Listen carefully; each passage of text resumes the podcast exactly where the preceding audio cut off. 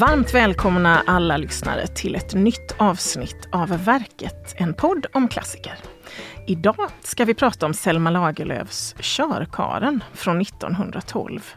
Och det är en roman där smitta har en stor bäring på handlingen och det är ju ett ämne som vi alla är mycket bekanta med vid det här laget. Jag heter Paulina Helgesson och med mig i studion idag så har jag Jenny Bergenmar och Anna Nordlund. Välkomna! Tack så mycket. Tack. Jag tänker att ni ska få presentera er själva, för det är lite roligare. Och så tänker jag att vi börjar med dig, Anna. Ja, jag heter Anna Nordlund och är docent i litteraturvetenskap. Och jag disputerade en gång i tiden, 2005, på en avhandling om Selma Lagerlöf och eh, litteraturhistorieskrivningar runt omkring Selma Lagerlöf. Och sen har jag också skrivit en biografi om Selma Lagerlöf som heter Sveriges modernaste kvinna. Oh, det var ingen dålig titel! Då ska vi se, Jenny, nu får du berätta lite vem du är. Ja, Jenny Bergman, alltså jag är litteraturvetare från Göteborg och jag, mina avhandlingar handlade också om Selma Lagerlöf, närmare bestämt om Gösta Berlings saga och ja, men hur Lagerlöf lyckades slå igenom som kvinnlig författare, som den enda kvinnliga författare i 90-talistgenerationen, alltså de som debuterade på 1890-talet. Och sen har jag hållit på med Lagerlöf i lite olika sammanhang. Om, jag har skrivit om allmänhetens brev till mm. Selma Lagerlöf. Eh, och även om hennes recension i, ute i Europa. Kul! Som ni alla hör så är vi i väldigt trygga händer med dessa två Lagerlöf-experter.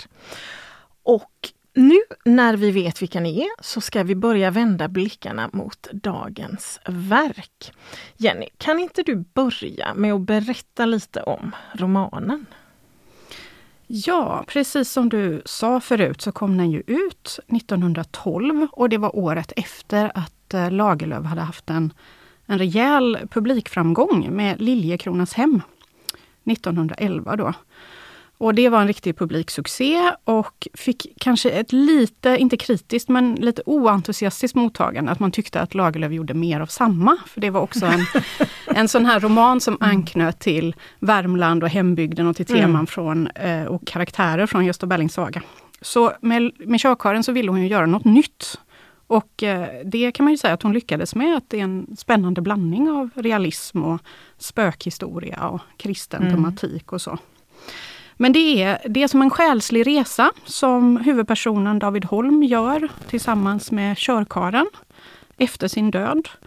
Och det är nyårsnatt. Eh, det börjar med att eh, vi får träffa frälsningssoldaten Edith som ligger och dör i tuberkulos. Och hennes sista önskan är att se David Holm, som då är en försupen våldsverkare som hon har försökt att hjälpa tidigare. Och samma natt eh, vid tolvslaget så dör David Holm i en blodstörtning som det står. Och så redan där träffar vi på, har vi träffat på två karaktärer som är smittade, som mm. har TBC. Då. Och sen eh, så händer det att David eh, hämtas av körkaren, alltså dödens körkar, som kommer i sin ruskiga och trasiga kärra. Och han ser ut som vi brukar föreställa oss döden med kåpa och lie. Eh, och David känner igen honom som sin gamla dryckesbroder Jorges. Eh, och han får veta att eh, den som dör sist på eh, nyåret är den som får uppdraget att köra dödens kärra. Och det här är en historia som är inbakad på lite olika sätt i, i den här texten. Och sen är det en resa då som Jorges tar eh, David på med lite olika anhalter. Först hos den döende Edith. Eh, och det som händer där är att David får bevittna att hon trots allt eh, som han gjort mot henne och mot sin familj, så älskar hon honom. Och eh, det berör honom faktiskt. Hon, han släpar sig fram, han kan inte röra sig, han har ingen kropp längre, men släpar sig fram mot dödsbädden och tar hennes hand. Sen blir det lite värre och värre här anhalterna kan man säga. Det, den andra anhalten, det låter ganska illa redan ja, nu. det är en mörk berättelse. Eh, den andra anhalten är eh, i ett fängelse där hans bror sitter och också är, är sjuk och döende. Och eh, David Holm har väldigt mycket skuldkänslor för det är han som har fått in sin bror på fel vägar i livet.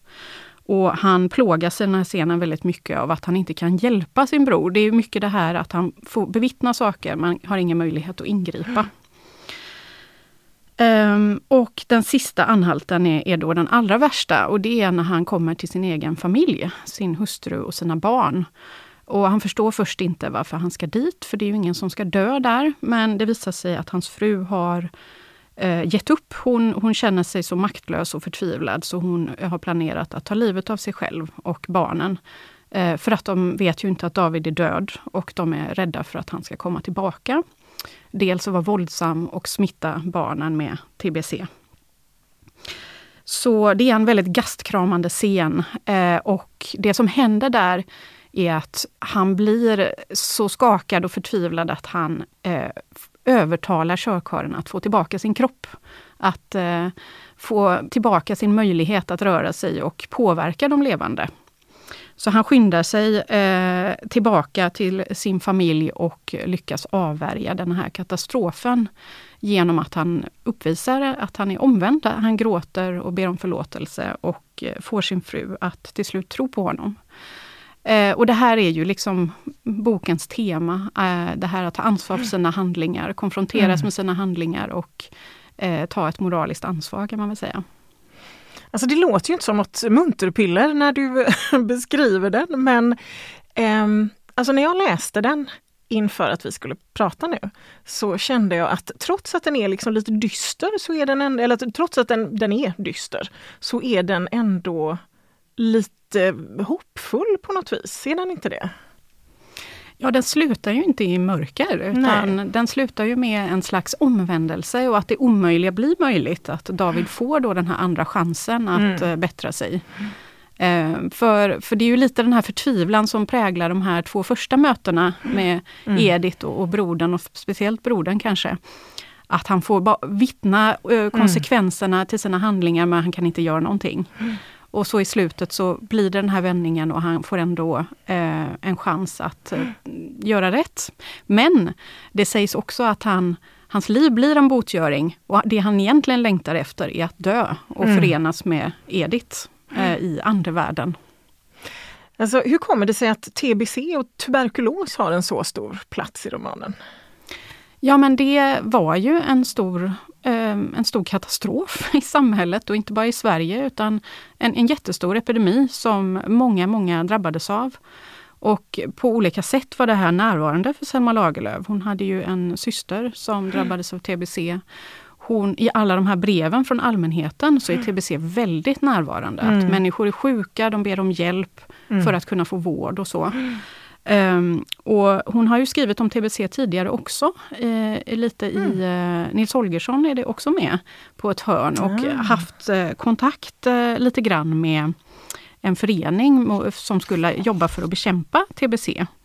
Så det här är ja, men det är en, en, en viktig sak i samtiden. Så mm. att det är liksom en del av den här romanens försök att ändå Eh, kombinerat med den här spökhistorien anknyta till en social mm. verklighet och både fattigdom eh, och klasskillnader och alkoholism och eh, sjukdomen TBC. Då. Mm.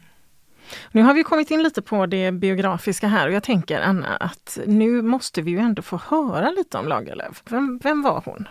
Ja, vid den här tiden så står hon ju liksom, precis som Jenny säger på toppen av sin karriär. Mm. Och hon hade ju då som första kvinna och första svensk fått Nobelpriset 1909 och det var inget som förvånade henne för att hon sa redan i, sin ungdom, i sina ungdomsår mm. innan hon ens hade debuterat att hon skulle bli Sveriges största skald. Så hon hade ett enormt självförtroende. Underbart en enorm anspråk. drivkraft verkligen att bli den här stora författaren. Och, uh, hon hade, och det är märkligt att hon blir det i den här tiden som hon föds in mm. i 1858 i det patriarkala samhälle som hon eh, som Sverige då var. Men eh, en av anledningarna till att hon lyckas, förutom att hon har en enorm begåvning och en inre mm. drivkraft, är att hon eh, under sina, sina formativa år verkar väldigt mycket tror jag i kvinnosammanhang. Hon kommer in på högre lärarinneseminariet i Stockholm och får där mm. väldigt mycket uppmuntran eh, av kvinnliga kamrater. Och hon får sedan anställning i Landskrona på ett eh, elementarläroverk för flickor. Där hon också får väldigt mycket uppmuntran och stöd av sina kvinnliga kollegor för att ta sig fram till det här stora debutverket, då, Gösta Berlings saga. Och där hon ju ko kommer in och är med och bryter med den här 1880-talsrealismen och den här samhällsdebatterande litteraturen. Och står verkligen för någonting nytt eh, och nydanande och Heidenstam och Levertin mm. ser ju det här också. Och det är det här som sen kommer att bli 90-talismen då i den svenska litteraturhistorien. Och som Selma Lagerlöf också blir väldigt starkt knuten till. Men nu är vi 1912 och då är mm. läget någonting helt annat. För nu har man igen börjat söka efter realistisk litteratur och samhällsdebatterande mm. litteratur. Och vi har en ung våg av författare med Elin Wägner och Sigfrid Siverts och Lubbe Nordström och sådär, som sen kallades för tiotalisterna som har debuterat eh, och som skriver i den här riktningen. Och vi har också Martin Kock och Maria Sandel, arbetarförfattare. Så att Lagerlöf känner risker här att liksom börja betraktas som lite passé. Och vi har också haft Strindbergsfejden som har handlat mycket om vad, slags, vad ska litteraturen göra. Ska, och Strindberg vill ju också ha en uppgörelse med den här liksom romantiserade, romantiserade nation, mm. lite nationalistiska, symbolistiska eh, litteraturen. Så att körkören tycker jag också är väldigt mycket en markering från Lagerlöf att hon kunde skriva på sitt sätt fortfarande, mm. med det här magiskt realistiska, men kunde skriva samhällsdebatterande litteratur. Och jag tycker mig också se en, en förändring i hennes författarskap i och med att hon har fått Nobelpriset. Eh, så blir hon på något vis lite friare i förhållande också till till exempel kvinnorörelsen och kvinnoemancipatoriska projekt och vågar gå in och vara lite mer radikal i sitt författarskap. För att hon har nu fått Mm. den största utmärkelse man kan få från det manliga litterära etablissemanget. Och jag tror att hon lite känner att nu är det dags att också ta lite mer ställning för kvinnorörelsen. Och det är också intressant att se hur hon hon har ju träffat Valborg Olander alldeles i början på 1900-talet och Valborg Olander var en väldigt engagerad rösträttskvinna och ordförande i, i kvinnorösträttsrörelsekretsen i Falun där både Selma och Valborg bor. Och det gör att Selma kommer också in i de här kretsarna och är med på möten och blir frapperad av, chockerad över vilket, hur mycket elände som debatteras mm. på de här mötena och hur eländigt livet är fortfarande för många kvinnor. Mycket på grund av en eh, sociallagstiftning som missgynnade kvinnor. Kvinnor med oäkta barn och kvinnor som ville skilja, skilja sig och så vidare. Och det ser man ju också spår av mm. i körkaren på intressanta sätt. Och eh, det är liksom svårt för oss idag, tänker jag, att kanske riktigt förstå den här fru Holm och varför, varför skiljer hon sig inte bara? Varför lämnar hon liksom inte bara sin man och skiljer sig? Hon flyr ju från honom, mm. ger sig ju av när han sitter i fängelse och det här blir ju som eh, någonting som han vill hämnas henne för då för att hon har gett sig av precis när han skulle komma ut från fängelse och bli en bättre människa. Men med den skilsmässolagstiftning som rådde vid den här tiden, som var från 1860-talet och som var väldigt omdebatterad när den här romanen kommer ut, mm. så var det i praktiken omöjligt för kvinnor eh, att skilja sig, att ta initiativ till skilsmässan. För att då hade mannen per automatik fullständig vårdnad över barnen. Och det här har hon också skrivit om i, i noveller, i en novell som heter En luftballong som man knyter lite till körkaren i en novellsamling som kom ut lagom till hennes 50-årsdag 1908. Men det är ju roligt det du säger att, att Lagerlöf känner att hon, hon vågar pröva på någonting nytt här nu. Och jag tänker på det du sa Jenny om att hon hade fått lite, li, lite så höjda ögonbryn i alla fall över att Liljekronas hem var lite för mycket av samma. Men vad, hur blev receptionen när körkaren kommer? För den är ju inte liksom mycket av samma på det viset. Nej, på ett sätt är den ju inte det. Men å andra sidan, kritiken är man känner igen teman i kritiken mm. av den här romanen från tidigare. En, en sån här gemensam eh, röd tråd i de kritiska rösterna var att det estetiska uttrycket var underordnat idén och att man klagade på framställningssättet. Att det blir väldigt speciellt den här historien för hela tiden är det ju David som åker omkring då och bevittnar äh, saker och ting. Så det blir ett väldigt indirekt berättande och det är också ganska mycket som nästan är framställt som att det är skrivet för eh, att framställas på scen eller på film. När David tänker så är det som monologer han för, eller mm. dialoger nästan han för med sig själv till exempel. Så eh, en del var negativa till och tyckte att det här skrivsättet liksom distanserade eh, berättelsen, att man inte riktigt som läsare blev, blev insläppt. Men eh, det fanns, det var liksom inte negativt i sin helhet. Det var no några tunga tongivande namn som var kritiska som till exempel Fredrik Böök som recenserades i Svenska Dagbladet, som just anmärkte på framställningen om människoskildringen. Eh, och eh, Karl Warburg som hade ju följt Lagerlöfs hela karriär och även recenserat henne eh, i hennes Gösta Berlings saga han, han var inte så negativ kanske till helheten som Bök, men ändå kritiserade framställningssättet också.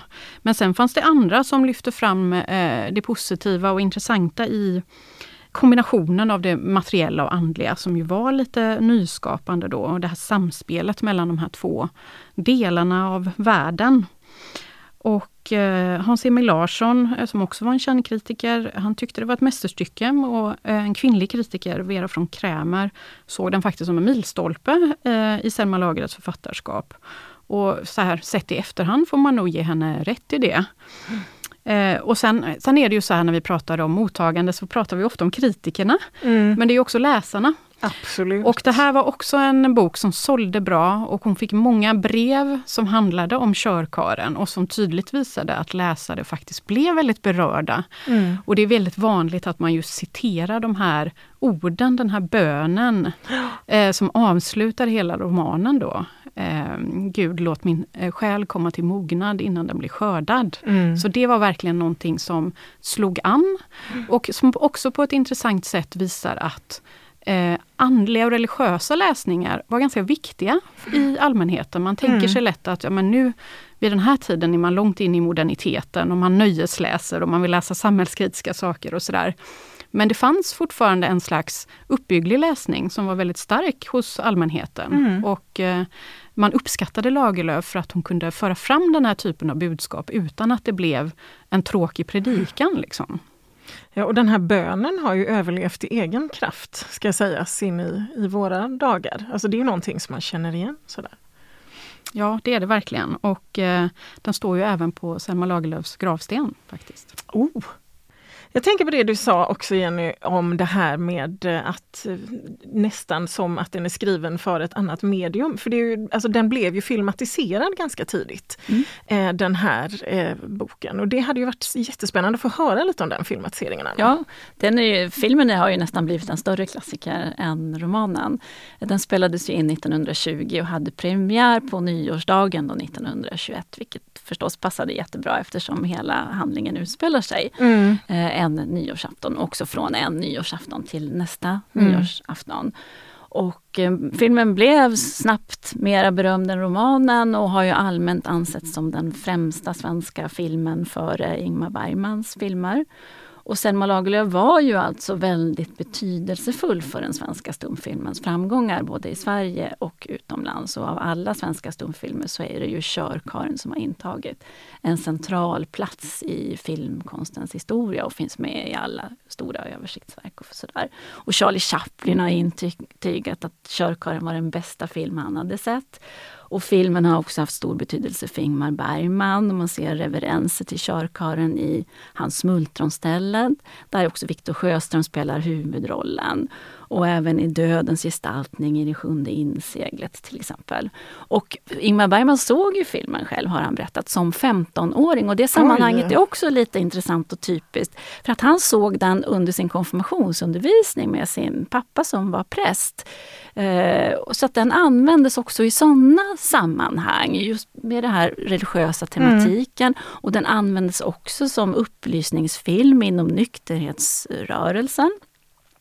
Så att den hade många användningsområden och det mm. blev både en, en, folklig succé och en film för liksom sin cineastiska finsmakare.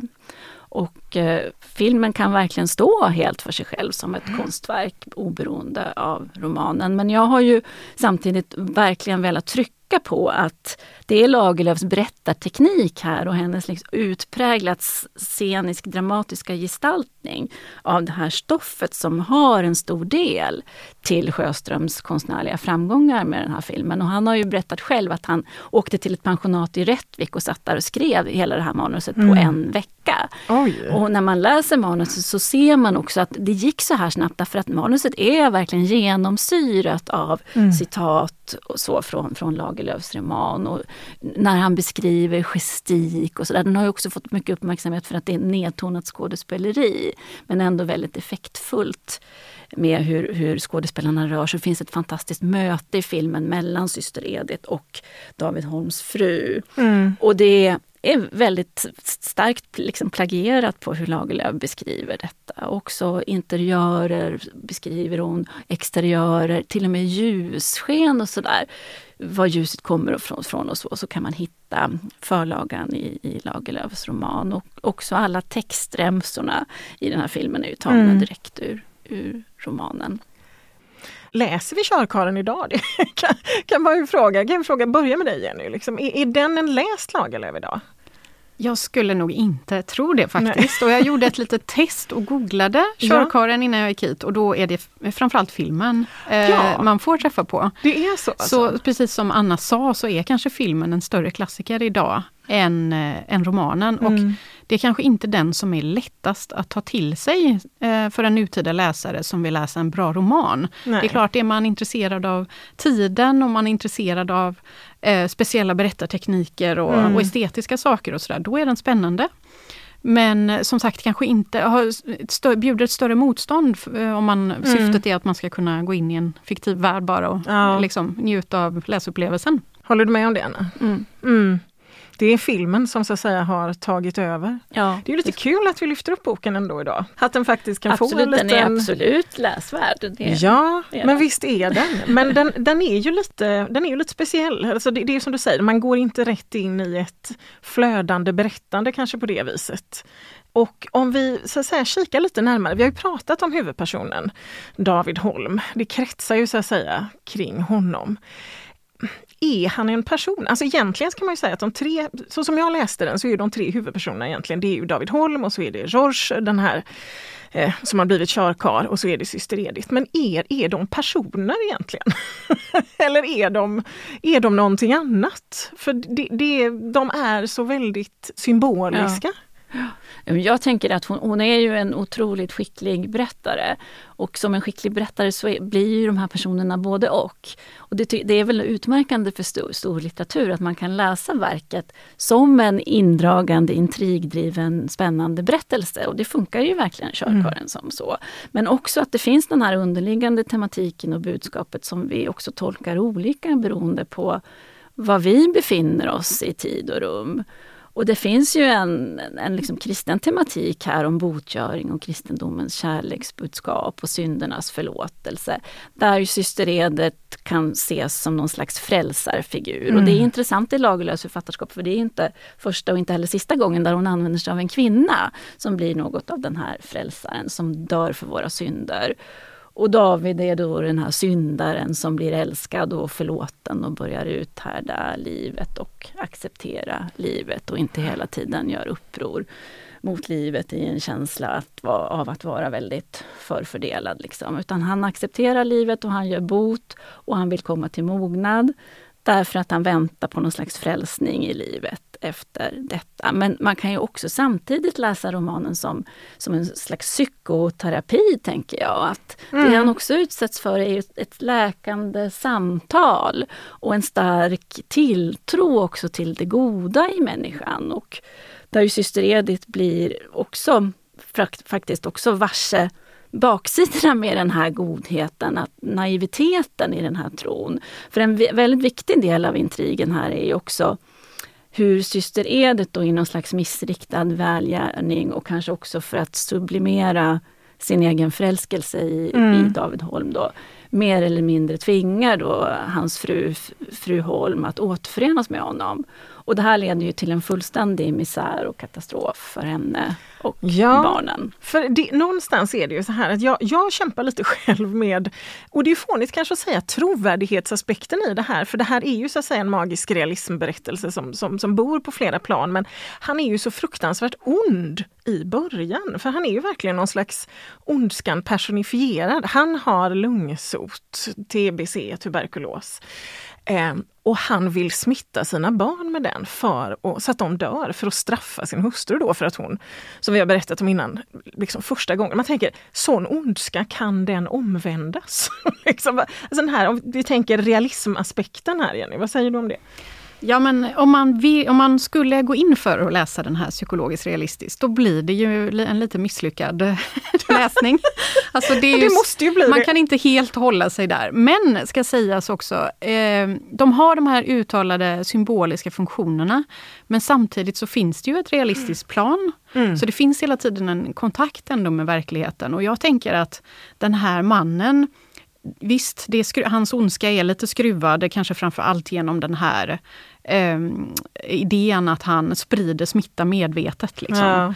Eh, Men samtidigt så är det inte så långt ifrån berättelser som faktiskt Lagerlöf fick, till exempel genom breven från läsarna, där, där kvinnor kunde berätta om sina försupna män till exempel och hur de var desperata, de hade inga pengar, de visste inte hur de skulle klara barnen och sådär. Så att hon återkopplar ju starkt ändå till en verklighet. Och sen så vinnlägger hon ju sig också i, den här, i det här återberättandet av hans liv som Anna var inne på, om att också förklara hur det blev så här dåligt. Mm. För en gång i tiden så var han skötsam och han var lycklig med sin fru. Mm. Eh, och sen så blev han alkoholiserad och sen blev det än värre då när hans fru hade lämnat honom och han blev hämndlysten. Så eh, på något sätt så beskriver hon ju också ett psykologiskt förlopp, hur en människa fördärvas. Ja. Hur en människa kanske blir fråntagen chanser också. För mycket handlar ju, alltså i idén om, om att Edith kan rädda honom i kärlek, så ligger ju också en idé om att man kan gå under utan att, om någon, ingen tror på en, om ingen tillskriver en någon, någon, någon positiv funktion överhuvudtaget i världen. Liksom. Så jag skulle nog säga att ja, man kan inte läsa dem psykologiskt realistiskt. Det kan man inte. Men det innebär ju inte att det inte finns ett realistiskt plan och ett psykologiskt innehåll också. Men jag tänker på, alltså syster Edith är ju så att säga hans raka motsats. De här frälsningssoldaterna som, som är vid hennes dödsbädd där i början av romanen, de gör ju inget annat än att prata om vilket helgon hon är och hur hon har liksom frälst dem allihopa. Och sen så har ju hon ändå den här karaktärsbristen får, får man ju nästan säga som gör henne mänsklig, att hon älskar honom trots att han då under den här perioden är något av ett monster.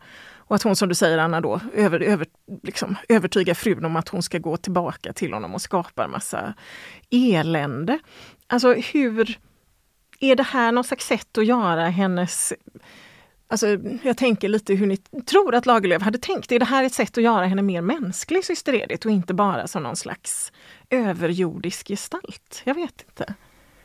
Jo men det, så tror jag man kan tänka faktiskt för att det är ju lite svårt att köpa den här karaktären. Hon blir liksom för god, för Ja. överjordisk, för helgonlik. Men eh, det blir liksom också ett sätt att eh, få ihop de här två nivåerna. eh, Den andliga nivån och den realistiska nivån. Att hon är, hon är också en kvinna som kan känna känslor som inte är lämpliga, som är väldigt olämpliga och som hon har Ja. svårt att försonas med själv också. Eh, att hon har lite förnekat det här men på sin dödsbädd vet om ändå att så här är det liksom och, och det här mina handlingar ledde fel och att de var egoistiskt eh, grundade. så. Så jag tycker att den här aspekten finns både med Edith och David. Att ja, han är på något sätt en bild av ondskan och hon en, en av godheten. Men de har också de här Eh, psykologiska förklaringarna eller andra omständigheterna som förankrar dem i världen och som också eh, motiverar handlingar och, och så. Alltså jag tänker om vi tittar på den här tredje personen i den här slags eh, treenigheten då, den här George som är körkarl. Han omtalas, om jag inte missminner mig, som den som har förlett David Holm från början. Och han är ju en annan sorts människa. Vi får ju aldrig, som läsare får man ju liksom inte möta honom som sitt dåvarande dåliga jag, utan mer som som kör, alltså bara som körkaren egentligen, som har ett helt annat sätt att se på livet. Kan man säga någonting särskilt om honom? Alltså vad är hans roll i den här, i det här dramat? Ja, dels så har han ju lockat in då David Holm på den här mm. dåliga vägen men man förstår ju också att det har inte bara med spriten att göra utan det har också med att George är en väldigt intressant person. Mm. Kreativ människa, konstnärligt lagd. Han har legat vid Uppsala betonas det, så han ah, har också ja. bildningen. Så det är också det som lockar David med George, att han ser andra möjligheter i livet. Men sen är ju George en vanlig liksom förtappad människa, men som också i sitt möte med döden då, under sitt år som den här dödens körkar har tvingats att rannsaka sig själv och inte bara sig själv utan kanske också mänsklighetens förhållande till döden. Vad innebär det för livet att vi ska dö? Det är en fråga som han mm. ställer sig. De flesta flyr ju inför de här krassa faktum ännu mer mm. idag kanske än på Lagerlöfs tid. Men George har ju nått en väldigt viktig insikt då, som han ju också konfronterar David med. Att döden är tragisk bara när den drabbar människor som inte är färdiga med sina liv och som inte heller mm. har levt i enlighet liksom, med sitt samvete.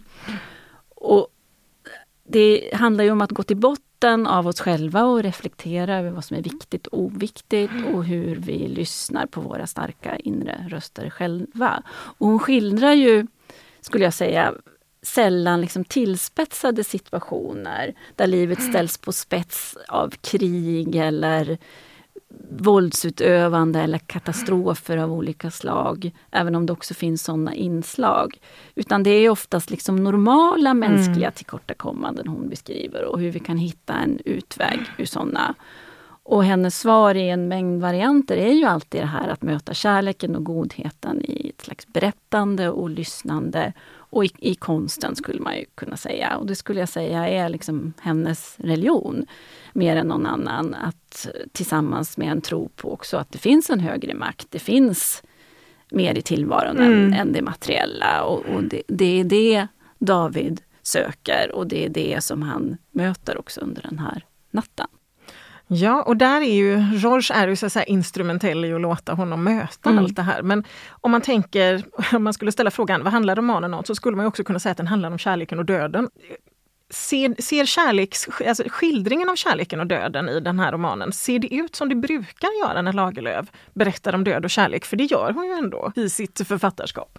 Alltså hon, hon har ju av många beskrivits som en författare som skildrar den kvinnliga självuppoffrade kärleken. Mm. Och jag har ju kanske lite problem med den beskrivningen ibland, för att mm. det är ju inte så ensidigt riktigt. Det blir lite förenklat att säga så.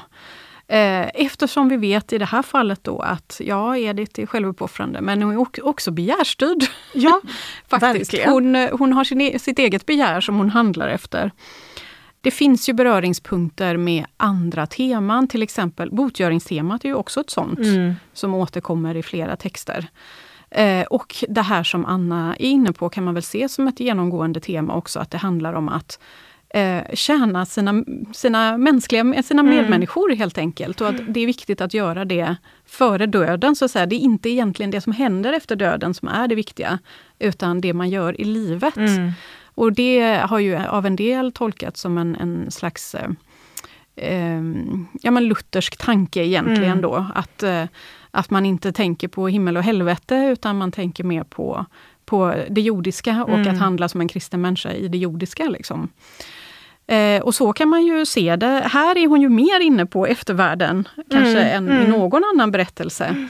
Eh, och man kan ju definitivt eh, koppla de här tankarna om döden till hennes intresse för andliga saker mer i allmänhet, inte bara mm. kristendomen. För hon var ju väldigt intresserad av ja, men, den tidens nyandlighet kan vi säga. Och läste mycket om det och, eh, fick också, och lästes lite som det också. Hon, en del eh, teosofer till exempel som tyckte att de, de hon beskrev andevärlden som att hon hade sett den på, i verkligheten och sådär. Jag är lite nyfiken på vad ni tycker om romanen utifrån att ni båda två har läst Lagerlöf och var, var hamnar den på eran favoritskala? Om det finns någon sån. Jag tänker vi börjar med, liksom, vad tycker ni om romanen sådär rent emotionellt? Ja, det för mig är det inte en favoritroman. Det är en roman som är väldigt intressant mm. Eh, och viktig i hennes författarskap. Och um, um, spännande på det sättet att den är så motsägelsefull. Att den är gammaldags och ny och experimenterande samtidigt. Och den är andlig och handlar om jordiska begär. Ja. Det är liksom motsatsernas förening i den här, i den här texten. Um, men eh, den, eh, den kanske inte drar in mig som läsare riktigt. Eh, på samma sätt som en del andra av hennes verk. Vad säger du Anna? Ja, men just nu efter vårt samtal så tycker jag att Körkarlen ligger mig varmt om ja. hjärtat. Jag tycker ja. man upptäckte mycket ändå i mm. den här nyläsningen och tematiken är mm. intressant. Eh, men för mig är det ändå liksom Viktor Sjöströms film som är det verkliga mästerverket och som man fortfarande idag mm. blir starkt berörd av trots liksom filmmediets enorma framsteg sedan den här filmen gjordes. Och till och med mm. mina barn har kunnat se Körkaren med behållning. Och och då ska man ju komma ihåg då igen tycker jag att Sjöströms mästerliga film hade inte varit möjlig utan Lagerlöfs roman med Nej. det här återberättandet om David Holms liv i fokus. Och hennes också många sinnrika sceniska kompositionsformer som hon verkligen exalterar i, i mm. den här romanen. Och, och, och det, det, finns ju också i körkören det som jag alltid dras till i författarskapet, just hennes suveräna förmåga liksom konkretisera, alltså konkret beskriva och skapa, skapa bilder mm. för starka inre rörelser och liksom mänskliga bevekelsegrunder som kärlek och andlighet av olika slag. också skapande och inspiration är ett annat viktigt tema mm. i hela hennes författarskap. Och hur hon visar hur det yttre och det inre flyter in i varandra och hur vi som människor har har den här förmågan till ett mm. rikt inre liv. Och det är inte något som är beroende av klass eller utbildning eller kön. Det är också något som hon väldigt tydligt visar, utan det är en förmåga som vi alla har men som också kan förkvävas. Och det tycker jag också är någonting som mm. är väldigt tydligt i tydlig tematik i, i, i körkaren. Och det tycker jag är det centrala i hela hennes författarskap den här förmå mänskliga förmågan vi har till ett andligt och rikt liv, men hur också den kan förstöras och förkvävas. Nej, alltså det är ju lite tuggmotstånd så att men på något vis så kan man ju se att körkaren kanske inte är den som är folks favoritlagerlöv men att den har, den har ju oerhört mycket som, som talar för den mm. utifrån att den är väldigt intressant. Och med detta konstaterande så måste vi motvilligt, som jag alltid säger, för det är väldigt kul, börja runda av. Och jag ska säga att körkaren finns förstås, precis som allt annat av Lagerlöf, att hitta på Litteraturbanken och ladda ner och läsa. Där kan man också på vår ljud och bildsida lyssna på när Lagerlöf läser själv, inte just Körkaren men annat. Och det finns till och med små filmer för den som verkligen vill grotta ner sig. Och jag säger superstort tack till Jenny. Tack. Och till Anna för att ni kom och pratade Lagerlöf och Körkaren. Och tack till alla er som har lyssnat. Du har lyssnat på Verket, en podd om klassiker, producerad av bildningsmagasinet Anekdot i samarbete med Nationalmuseum och Litteraturbanken. Alla avsnitt samt fler poddar, filmer och essäer hittar du på anekdot.se.